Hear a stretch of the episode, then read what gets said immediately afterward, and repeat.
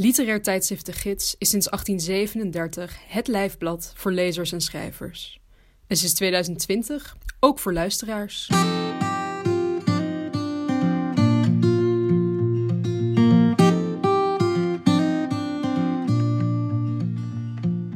Je luistert naar de 63ste aflevering van Sprekende Letteren. Een podcast met verhalen, essays en poëzie uit de gids. Voorgelezen door de schrijver of dichter zelf. In deze aflevering hoor je de bijdrage van Adriaan van Dis aan onze encyclopedie van het uitsterven, getiteld Het hoofd in de wolken over de giraffe. Luister mee naar Adriaan van Dis.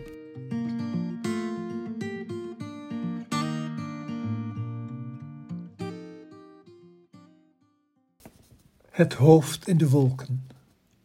Hoeveel bomen moet ik planten om mij dit te mogen herinneren? In een lijntoestel over de savanne van Kenia vliegen, beneden een stofwolk ontwaren en met open mond zien hoe een kudde steltlopers wordt opgejaagd door ons geronk. Mijn eerste giraffes in het wild.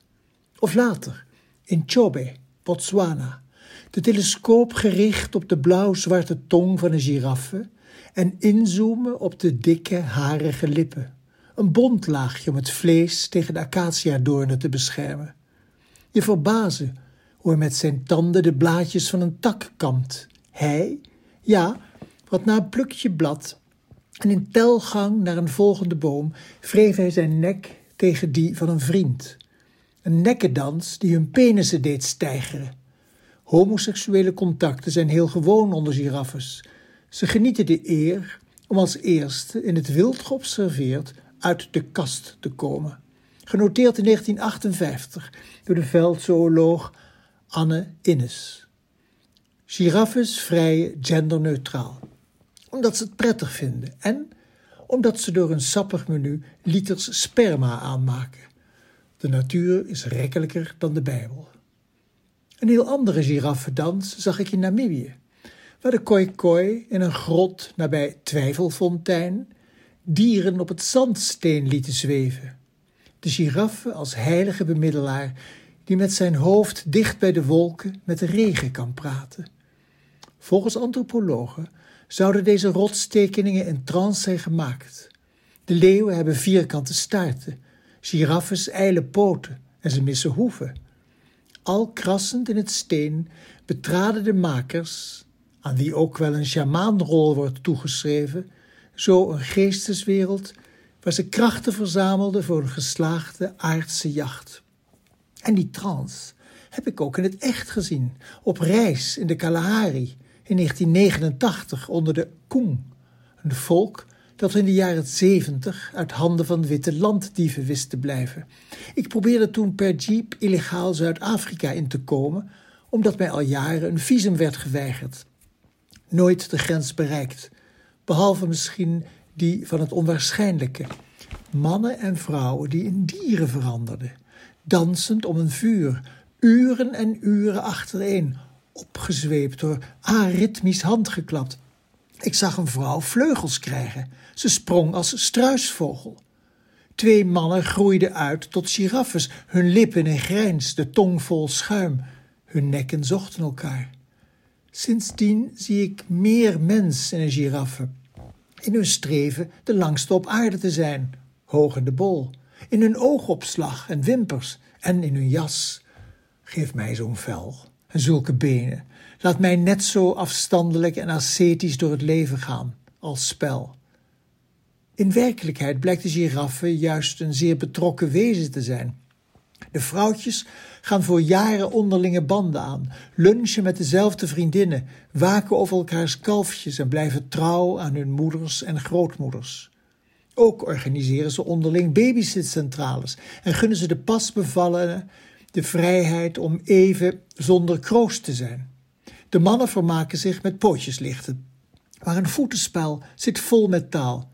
Giraffes leiden even complexe levens als chimpansees. Ze schreeuwen het alleen niet van de bladerdaken.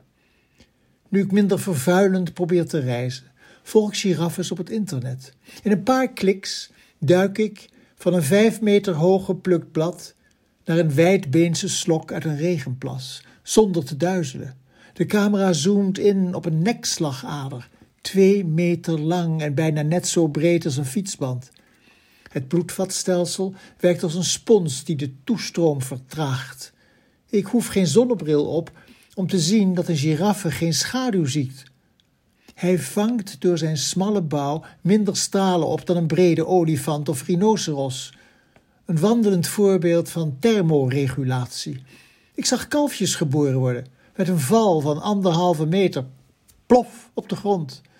Binnen een half uur kunnen ze staan. Na tien uur rennen ze met moeder mee. Volgroeid halen ze 56 km per uur. Dankzij de nachtkijker weet ik nu dat giraffes niet langer dan twee uur achtereen slapen. De nek slapjes in een lus naar achter gebogen, de kaak op een dij. En dan een plas. Tientallen liters stromen over het scherm. Sinds ik tegenover Artes woon, kan ik giraffes ook ruiken. Ik houd niet van hekken en kooien, maar ik respecteer mijn buren. Soms loop ik een uur voor het sluiten nog even langs. Hun geur maakt mij rustig en anders hun blik wel, want dan neigen ze tot het negeren van bezoekers. Hun torenhoge zachtaardigheid straalt louter vrede uit. Met een beetje moeite kan ik hun gedachten lezen. Haast je niet zo. Er hoeft niets af, er wacht geen trein. Ontgif je van ambities, verander je leven, wees vrij. En dat zegt een dierengevangenschap. Ik kan zo lang naar ze kijken dat het motief in hun vacht voor mijn ogen danst. Ik verdwijn een beetje. Ontstijg, denk niet meer, verbeeld me dicht bij het onzegbare te zijn. De giraf als God en ik verliefd. Adrien van Dis.